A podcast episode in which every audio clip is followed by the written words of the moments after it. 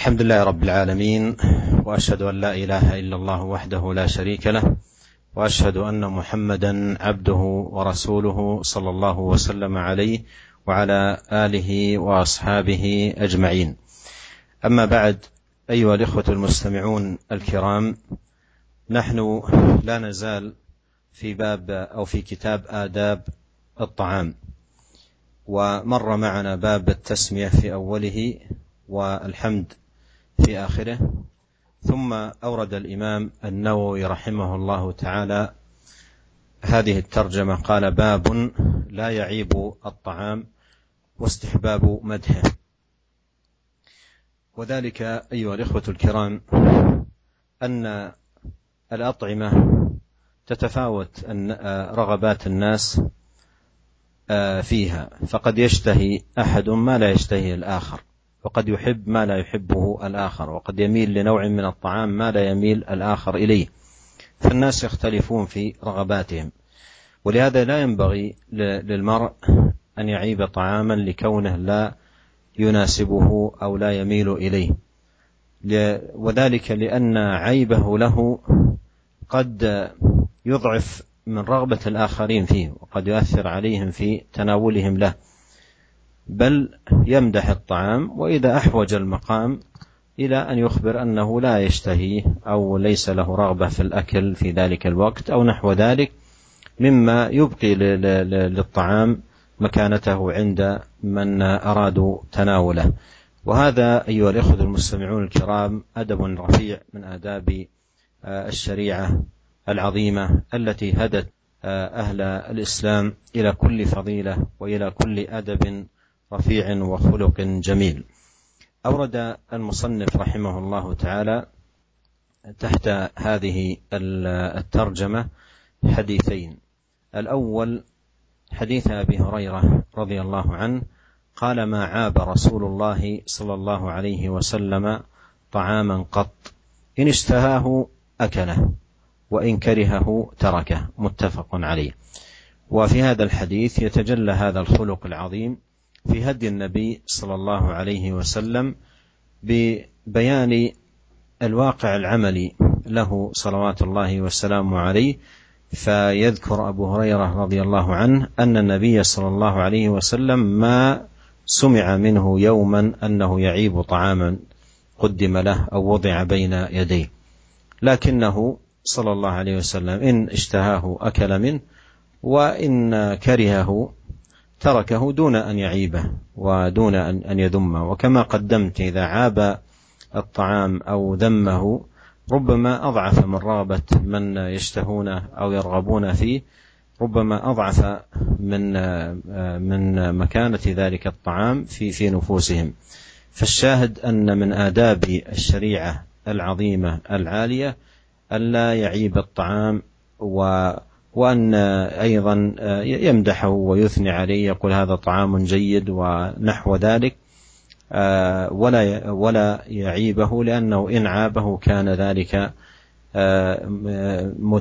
كان يترتب على ذلك ربما ضعفا في رغبته أو الرغبة إليه عند من قدم لهم ذلك الطعام.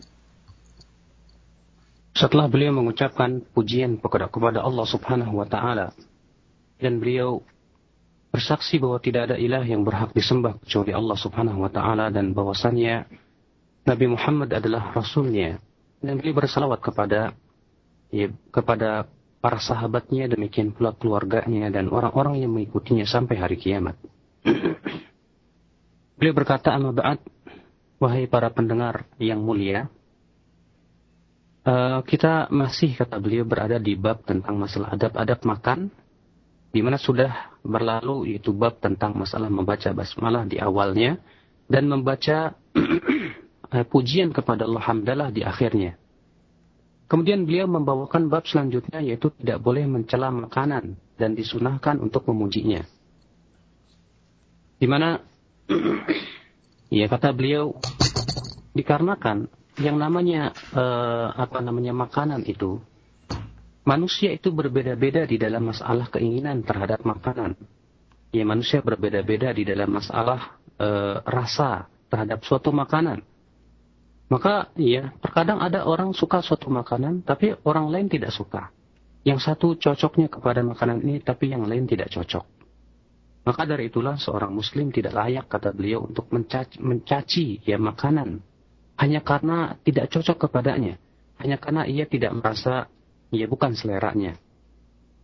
Karena kenapa? Karena kata beliau itu bisa melemahkan keinginan orang lain. Yang tadinya dia ingin makan, akhirnya tidak jadi. Ya, maka kewajiban dia hendaknya kata beliau untuk memuji. Ya. Sehingga pada waktu itu ikhwatul Islam kata beliau, orang-orang yang tidak mempunyai keinginan ya pada waktu itu apa namanya tidak menjadikan orang lain kemudian ia pun kehilang kehilangan keinginan untuk memakannya maka dari itu siapa yang ingin ia memakannya silahkan tapi siapa yang tidak memakannya maka jangan ia mencacinya dan ini merupakan kata beliau sebuah adab yang mulia sekali. Yang ya kaum muslimin diberikan petunjuk kepadanya. Di mana ini merupakan akhlak yang indah. Ini merupakan agak adab yang agung. Yang Allah yang di, diajarkan oleh Rasulullah SAW. Alaihi Wasallam. Kemudian di sini uh, Al Imam An Nawawi membawakan dua hadis saja, di mana yang pertama yaitu hadis Abu Hurairah. Semoga Allah meridainya. Ia berkata, ma'aba Rasulullah sallallahu alaihi wasallam ta'aman qattu ya Rasulullah sallallahu alaihi wasallam tidak pernah mencela makanan sama sekali jika beliau berselera beliau memakannya dan jika tidak menyukainya beliau meninggalkannya dikeluarkan oleh Bukhari dan Muslim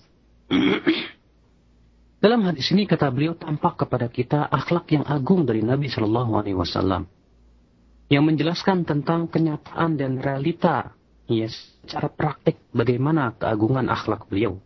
Di mana Abu Hurairah radhiyallahu an ia menyebutkan bahwa Rasulullah SAW tidak pernah terdengar beliau mencaci maki atau mencela makanan. Akan tetapi beliau apabila selera, beliau makan.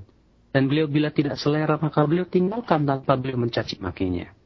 Karena kata beliau, mencaci maki makanan itu terkadang menyebabkan ya uh, apa namanya orang-orang yang menginginkannya menjadi tidak ingin untuk memakannya.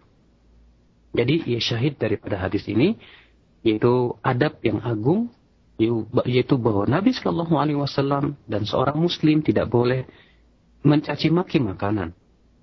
Tapi hendaklah ia mengujinya dengan mengatakan ini makanan yang enak, ya ini makanan yang lezat dan yang lainnya. Ya, karena sudah kita sebutkan tadi kata beliau, bahwa mencaci mencaci makanan itu bisa menyebabkan ya selera orang lain akhirnya menjadi berkurang bahkan hilang sama sekali.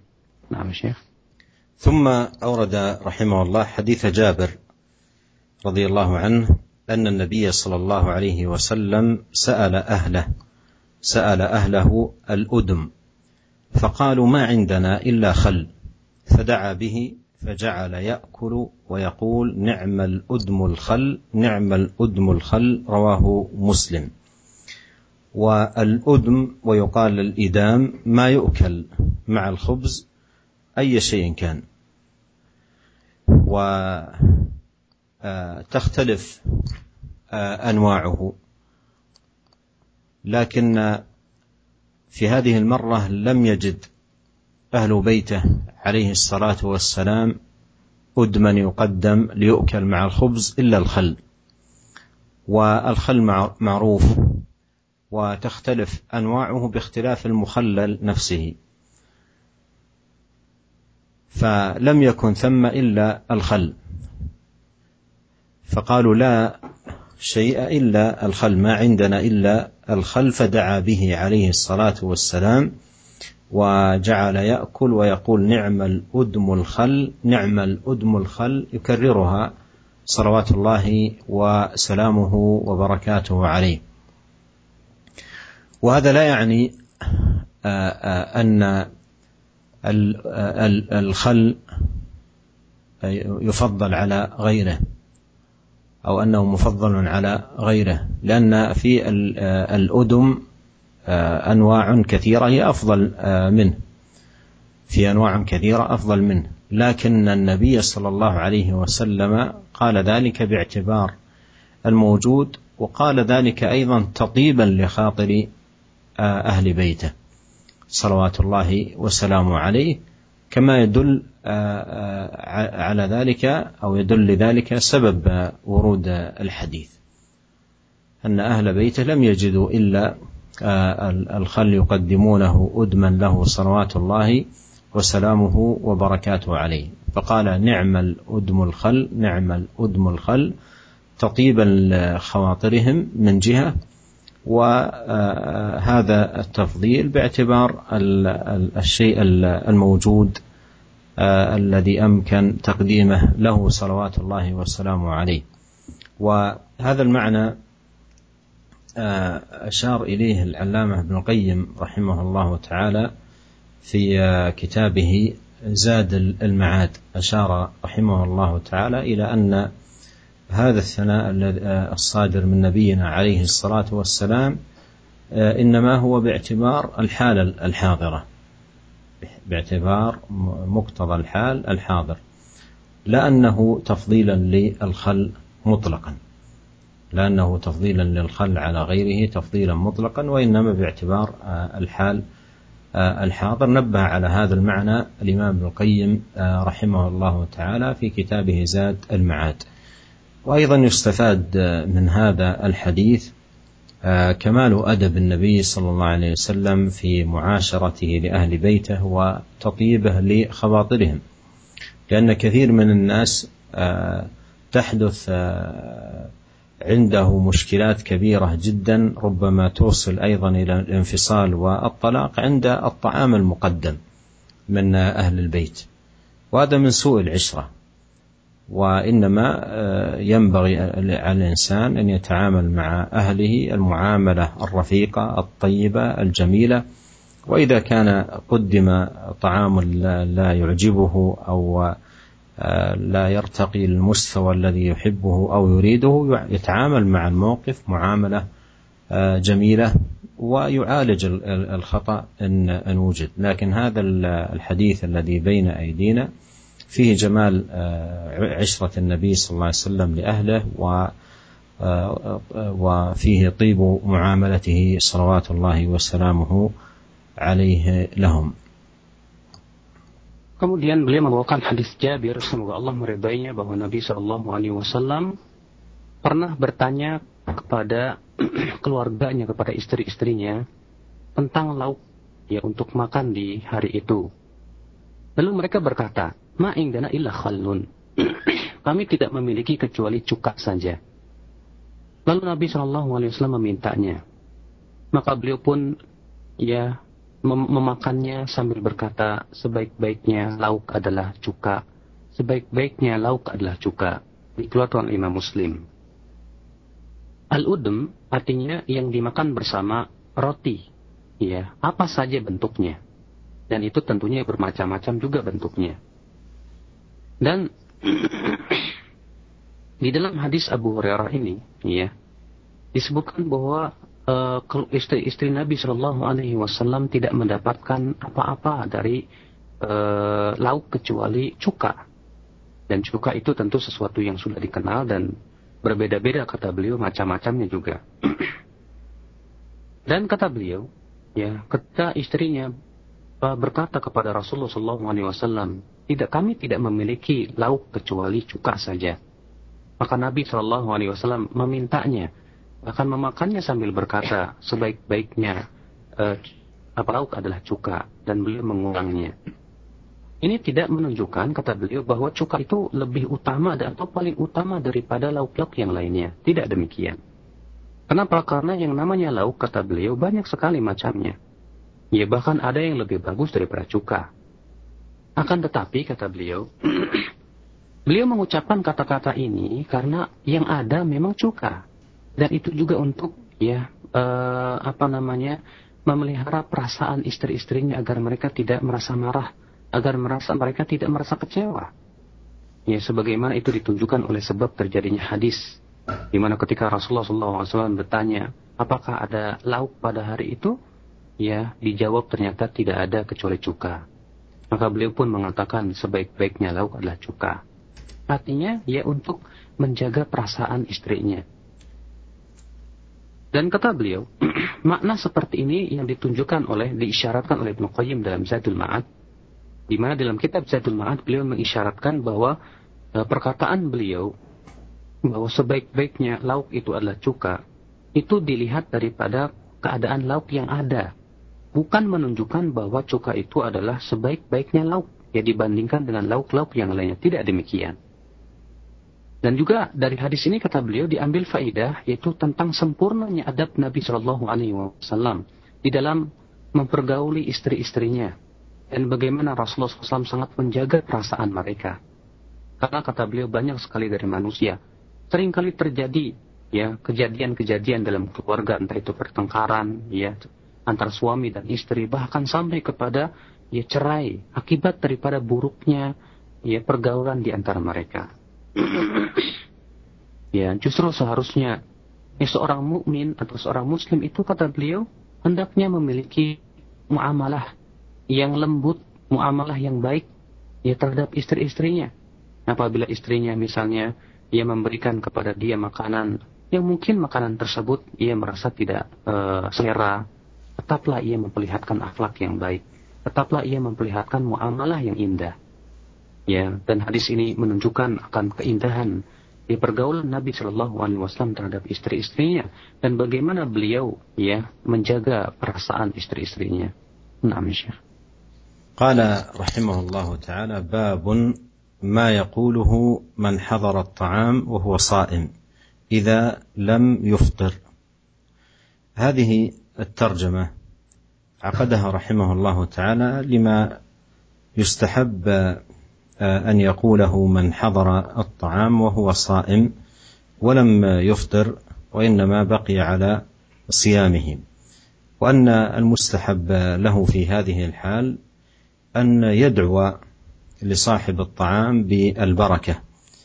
أن يدعو لصاحب الطعام بالبركة وإن لم يكن مشاركا لهم في الطعام فيكون حضوره تقديرا لدعوة من دعاه وأيضا من أجل أن يدعو له آه، بالبركة.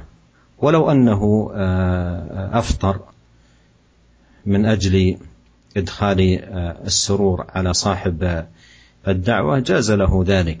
وقد جاء في الحديث صائم المتطوع أمير نفسه إن شاء صام وإن شاء أفطر رواه أحمد. فإذا أفطر من باب إدخال السرور على صاحب الدعوة فإن له ذلك. وإن بقي على صيامه وأجاب الدعوة بالحضور لمكان الدعوة والدعاء لصاحبها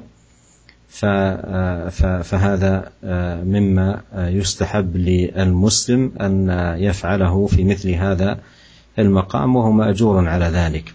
أورد رحمه الله تعالى حديث أبي هريرة رضي الله عنه قال قال رسول الله صلى الله عليه وسلم إذا دعي أحدكم فليجب فإن كان صائما فليصل وإن كان مفطرا فليطعم. رواه مسلم. قوله إذا دعي أحدكم آه، أي إذا وليمة فليجب الدعوة فليجب الدعوة. فإن كان على نية صيام فلا تكن إجابته من أجل الحضور والمشاركة والدعاء لأن قوله عليه الصلاة والسلام فليصل معناه فليدعو. قال النووي رحمه الله عقب الحديث قال العلماء معنى فليصل فليدع ومعنى فليطعم أي فليأكل. ويدل قوله فليصل أي فليدع أن الحديث جاء في بعض رواياته فليدعو بالبركة فليدعو بالبركة. فإذا يستحب له إن كان صائما أن يذهب ويجيب الدعوة وتكون مشاركته بالحضور والدعاء. وإن كان مفطرا فليطعم أي من الطعام المقدم.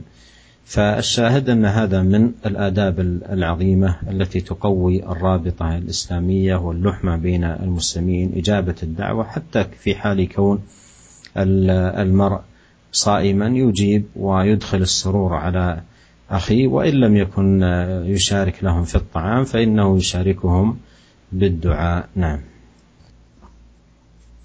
Kemudian beliau membawakan bab selanjutnya yaitu bab apa yang diucapkan oleh orang-orang yang menghadiri jamuan atau walimah sedang dia dalam keadaan berpuasa.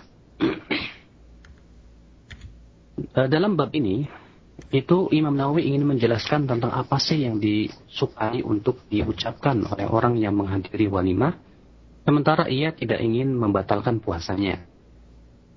Maka yang disukai untuknya adalah untuk mendoakan dengan keberkahan ya kepada orang yang mengundangnya. Sehingga kehadirannya tersebut adalah merupakan bentuk penghormatan terhadap uh, orang yang mengundangnya tentunya. Di mana ia mendoakan dengan keberkahan. Namun kata beliau, kalau ternyata ia berbuka puasa ya untuk memasukkan kegembiraan kepada orang yang uh, mengundang dia, maka itu diperbolehkan. Ya karena disebutkan dalam hadis bahwa orang yang berpuasa itu adalah amirun nafsihi. Ia adalah amir untuk dirinya. Pemimpin untuk dirinya. Jika dia mau silahkan berbuka dan jika ia mau silahkan ia melanjutkan uh, puasanya. Dan hadis ini dikeluarkan oleh Imam Ahmad. Maka kata beliau jika ternyata ia berbuka puasa ya dengan tujuan tadi ya untuk memasukkan kegembiraan kepada orang yang mengundangnya, maka silahkan ia lakukan. Tapi kalau ternyata ia tidak mau membatalkan puasanya, dia ingin tetap berpuasa, maka hendaklah ia ia bersekutu dengannya dengan cara mendoakan keberkahan kepada orang yang mengundangnya. Dan ini sesuatu yang disukai, ya untuk dilakukan dan ia insya Allah akan diberikan pahala karenanya. Kemudian Imam Nawawi rahimahullah membawakan hadis Abu Hurairah di mana ia berkata Rasulullah Shallallahu alaihi wasallam bersabda Idza du'i ahadukum apabila salah seorang dari kalian diundang ya untuk makan walimah, maka hendaklah ia menjawabnya atau mendatanginya. Jika ia berpuasa, hendaklah ia, ia mendoakan. Dan jika ia berbuka, maka hendaklah ia makan. Dikeluarkan Imam Muslim. Sabda Rasulullah SAW, "Idza du'iya apabila di, di, di apa diundang, artinya kepada walimah, ya. Fal yujib, ya artinya hendaklah ia mendatangi undangan tersebut. Ya di mana ia kalau ternyata niatnya tetap ingin berpuasa tetaplah datang. Ya tapi ia berusaha untuk apa namanya memperlihatkan e, persekutuan dengannya sehingga ya e, membuat hati orang yang meng, apa mengundangnya tersebut merasa gembira karenanya. Lalu ia doakan dengan keberkahan. Dan perkataan Rasulullah sallallahu artinya falyad'u Ya sebagaimana kata Imam Nawawi rahimahullah, ya fal yusalli ay fal yad'u artinya hendaklah doakan. Ya, fal yat'am artinya hendaklah ia makan. Dan disebutkan pada sebagian riwayat, ya hendaklah ia mendoakan dengan keberkahan. Ya, artinya ya orang yang diundang tersebut tetap mendatangi undangan walaupun dia tetap berpuasa. Namun ia hendaknya berusaha untuk mendoakan ya orang yang mengundangnya tersebut dengan keberkahan. Syahid daripada hadis ini kata beliau, dalam hadis ini terdapat adab yang agung sekali. Di mana adab ini menguatkan ikatan dan ukhuwah Islamiyah. Ya, bahkan sampai-sampai seseorang ketika di, diundang untuk hadir dalam walimah dalam keadaan ia sedang berpuasa, tetap ia pun mendatanginya, lalu kemudian ia mendoakan dengan keberkahan. Nah, Syekh. قال رحمه الله تعالى باب ما يقوله من دعي إلى طعام فتبعه غيره. أي تبعه انسان اخر إلى مكان الطعام ولا يكون قد دعي معهم إلى ذلك الطعام. والمستحب كما في الحديث الذي ساقه المصنف رحمه الله تعالى ان يستاذن له. فان اذن صاحب الطعام والا رجع كما قال الله سبحانه وان قيل لكم ارجعوا فارجعوا. فالذي يقال في هذا المقام هو الاستئذان لهذا الشخص الزائد على العدد أو على الأشخاص المدعوين لدى صاحب الطعام. أورد رحمه الله تعالى حديث أبي مسعود البدري رضي الله عنه قال دعا رجل النبي صلى الله عليه وسلم لطعام صنعه له خامس خمسة فتبعهم رجل. فلما بلغ الباب قال النبي صلى الله عليه وسلم إن هذا تبعنا فإن شئت أن تأذن له وإن شئت رجع. قال لا بل آذن له يا رسول الله آه، متفق عليه. وموطن الشاهد أيها الإخوة المستمعون الكرام من هذا الحديث أن النبي صلى الله عليه وسلم استأذن لهذا الرجل. قال إن هذا تبعنا فإن شئت أن تأذن له وإن شئت رجع. فعلم من ذلك أن آه، المستحب آه، في آه، والمناسب في هذا المقام أن يستأذن للشخص الزائد على العدد المدعو من الأشخاص إلى الطعام. وأفاد هذا الحديث أن الشخص له إن دعا أشخاصا إلى طعام عنده أن يحدد العدد. أن يحدد العدد. كان يقول أو يحدد أشخاصا مثلا بأسمائهم أو يقول أنت وفلان وفلان وفلان. ويكون العدد محدد. وتحديد تحديده للعدد لا حرج عليه فيه ولا يعد بخلا. قد يكون الطعام المتيسر عنده في البيت. لا يكفي إلا هذا العدد أو قد يكون عنده نوع من الطعام معين أحب أن يتحفهم به ولا يكفي إلا لهذا العدد. أو يكون أيضا المكان الذي عنده لا يستوعب عددا كبيرا فحدد العدد. فثمة احتمالات. فلا يلزم من ذلك ان أن يكون من حدد العدد بخيلا على إخوانه. فالأمر آه، لا حرج فيه وهذا رجل دعا النبي صلى الله عليه وسلم وكان قد حدد العدد في قوله خامس خمسة فتبعهم رجل أي سادس ليس من هؤلاء الخمسة المحددين لهذه الدعوة. تبعهم أي مشى معهم إلى مكان الدعوة. فلما بلغ آه، الباب صلوات الله وسلامه عليه آه، استأذن له. وهذا فيه أنه لا حرج آه، في أن يستأذن لهذا الشخص السادس أو الشخص الزائد على العدد المعين المدعو.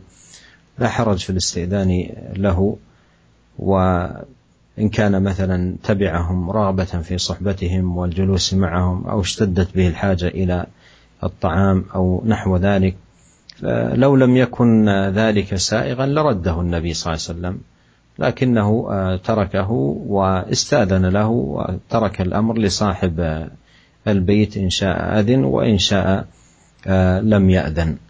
وإن لم يأذن له ذلك. والله سبحانه وتعالى قال وإن قيل لكم ارجعوا فارجعوا. وهذا آه، فيه أيضا في فيه أيضا آه، مشروعية الضيافة وإكرام آه، الإخوان وما يترتب على ذلك من خير وفائدة ونفع. والشاهد أن آه، هذا الحديث فيه هذا الأدب من الآداب المتعلقة بالطعام والوليمة. Kemudian bab beliau membawakan bab yaitu apa yang diucapkan oleh orang yang diundang makan, lalu ada orang lain yang mengikutinya. Artinya, ya ada orang lain yang mengikutinya padahal ia tidak diundang kepada walimah tersebut. Apa adabnya? Kata beliau yaitu, hendaklah ia minta izin kepada orang yang mengundang. Ya bahwa si fulan ikut bersama saya, sementara ia tidak diundang. Kalau ternyata yang mengundang itu mengizinkan, silahkan. Tapi kalau tidak mengizinkan, hendaklah ia pergi sebagaimana Allah berfirman wa in lakum farji'u ya wa in wa in lakum farji'u farji'u. Apabila dikatakan kepada kalian kembalilah maka kembalilah.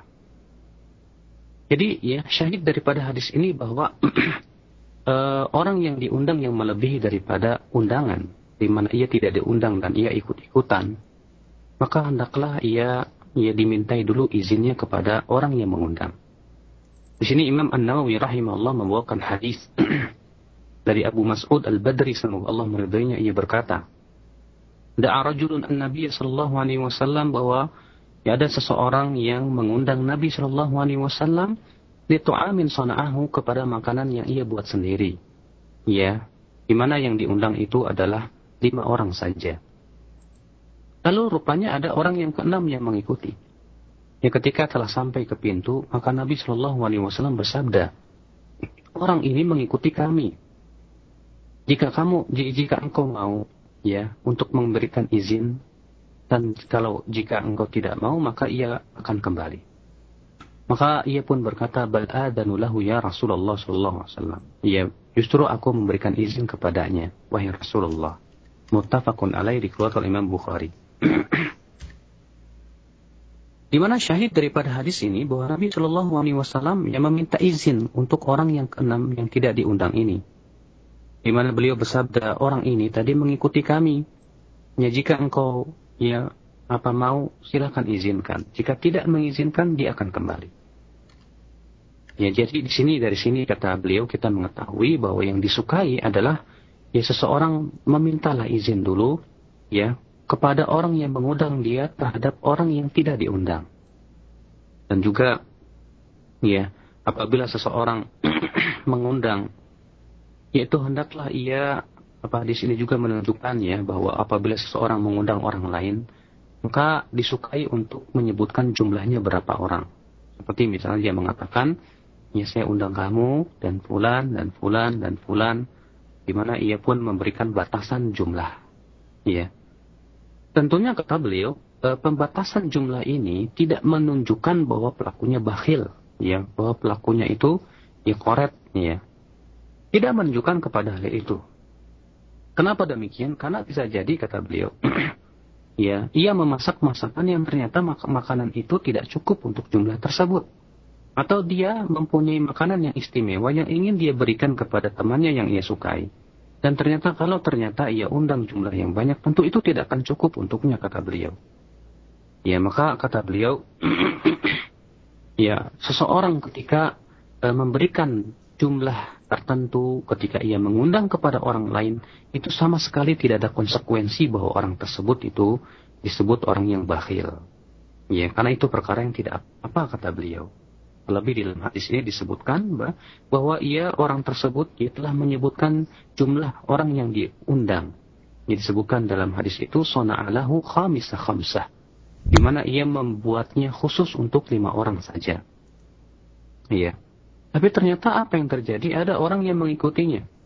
Ia pun berjalan bersama Nabi Shallallahu Alaihi Wasallam. Maka ketika Nabi SAW telah sampai rumah orang yang mengundangnya, Rasulullah pun segera meminta izin. Ini juga menunjukkan, kata beliau, bahwa tidak mengapa. Ya seseorang minta izin untuk orang yang kelebihan ini yang datang tanpa izin.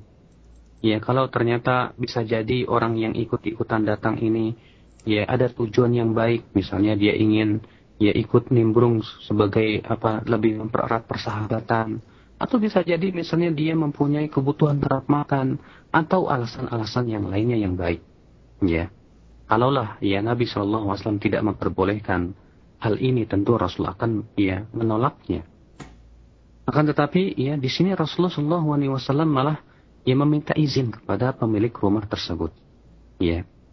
Dan Rasulullah SAW menyerahkan kepada pemilik rumah apakah itu akan diizinkan atau tidak. Kalau ternyata tidak diizinkan, hendaklah ia pulang sebagaimana firman Allah Subhanahu wa taala tadi, "Wa in qila lakum farji'u" Ya apabila dikatakan kepada kalian kembalilah, maka kembalilah. Hadis ini juga menunjukkan kata beliau, itu disyariatkannya menghormati tamu. Ya disyariatkannya memberikan jamuan kepada tamu sebagai penghormatan terhadap mereka dan memberikan manfaat kepada mereka. Di mana hadis ini syahidnya adalah yaitu adab yang agung ini yaitu ya agar kita seseorang itu meminta izin untuk temannya ya kalau ia tidak diundang. نعم شيخ. ثم عقد رحمه الله تعالى ترجمة جديدة. قال رحمه الله باب الأكل مما يليه والأكل مما يليه ووعظه وتأديبه من يسيء أكله. وأورد رحمه الله تعالى تحت هذه الترجمة حديث عمر بن أبي سلمة آه، رضي الله عنهما قال كنت غلاما في حجر رسول الله صلى الله عليه وسلم وكانت يدي تطيش في الصحفة. فقال لي رسول الله صلى الله عليه وسلم يا غلام سم الله تعالى وكل بيمينك وكل مما يليك متفق عليه. قال النووي رحمه الله تعالى قوله تطيش بكسر الطاء وبعدها ياء مثناه من تحت معناه تتحرك وتمتد إلى نواحي الصحفة. هذا الحديث أيها الإخوة الكرام فيه ذكر ثلاثة آداب عظيمة تتعلق بالدعاء جمعها النبي صلى الله عليه وسلم في هذا الحديث وهي التسمية في أول الطعام والأكل باليمين والأكل مما يلي الآكل. هذه ثلاثة آداب عظيمة جدا جمعها النبي صلى الله عليه وسلم في هذا الحديث. وفيه أهمية تربية الأبناء منذ الصغر على التحلي بالآداب الإسلامية الفاضلة عند تناول الطعام. وفيه أيضا التلطف معهم عند توجيههم لأن بعض الآباء أو الأمهات إذا أراد أن يوجه ابنه عند الطعام إلى خلق فاضل زجره بغلظة أو نهاه بشدة أو نحو ذلك. لكن النبي صلى الله عليه وسلم تلطف مع هذا الغلام وقال يا غلام بل جاء في بعض الروايات أن النبي صلى الله عليه وسلم قال أدن يا بني. وهذا فيه لطفه عليه الصلاة والسلام وحسن تلطفه في الخطاب والنصح. لأنك إذا قلت للصغير يا بني أدخلت عليه من الأنس والراحة ما يكون سببا لحسن استفادته منك وانتفاعه بما تقول. ف أيضا يدل على أن يشرع لك أن تقول ولو لم يكن ابنا لك يا بني.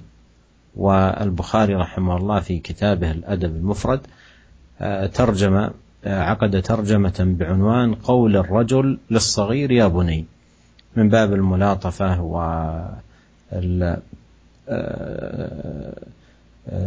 جذب قلبه وخاصة في مقام المناصحة. فهذا فيه من التلطف والمؤانسة ما لا يخفى.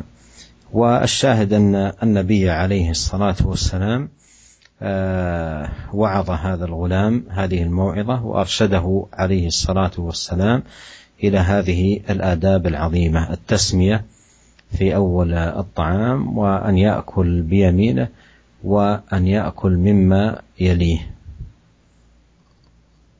Kemudian beliau membawakan bab memakan makanan yang terdekat dan menasihati serta menegur orang-orang yang tidak baik cara makannya.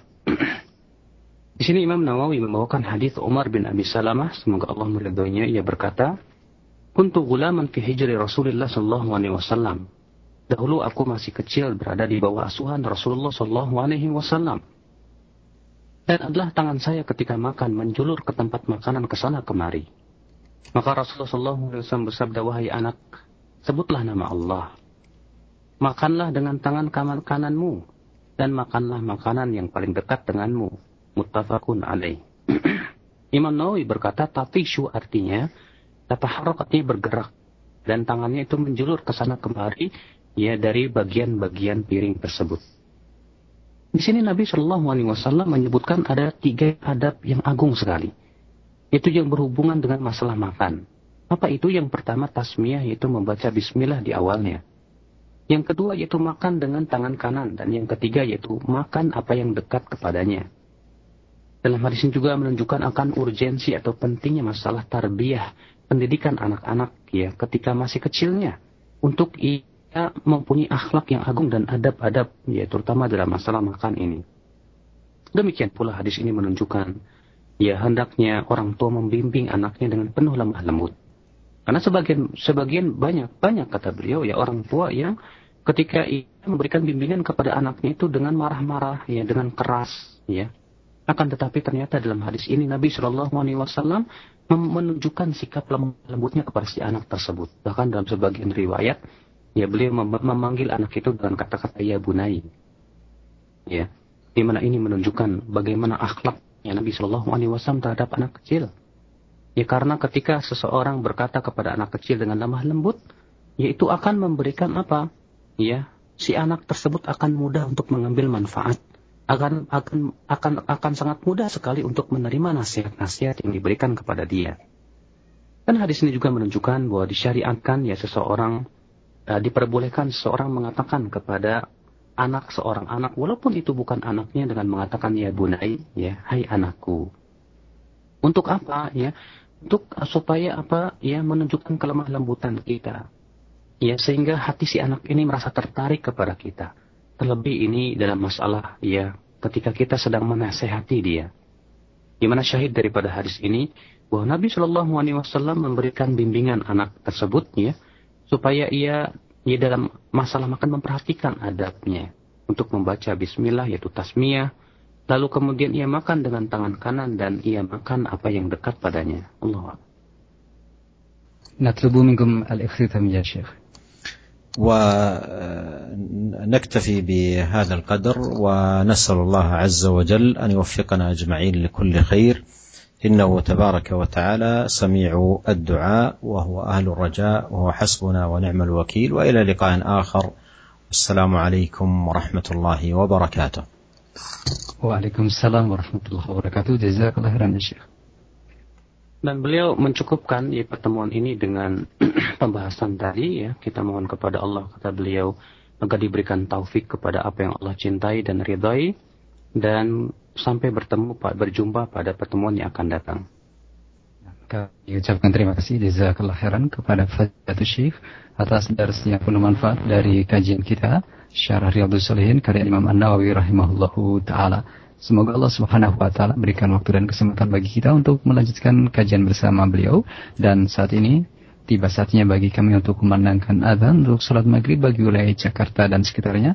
Selamat menunaikan ibadah salat maghrib untuk Anda dan nantikan untuk ba'da maghrib secara langsung tausiah yang disampaikan oleh Fadilatul Syekh Dr. Sa'ad bin Nasir As-Sitri hafirahullah taala.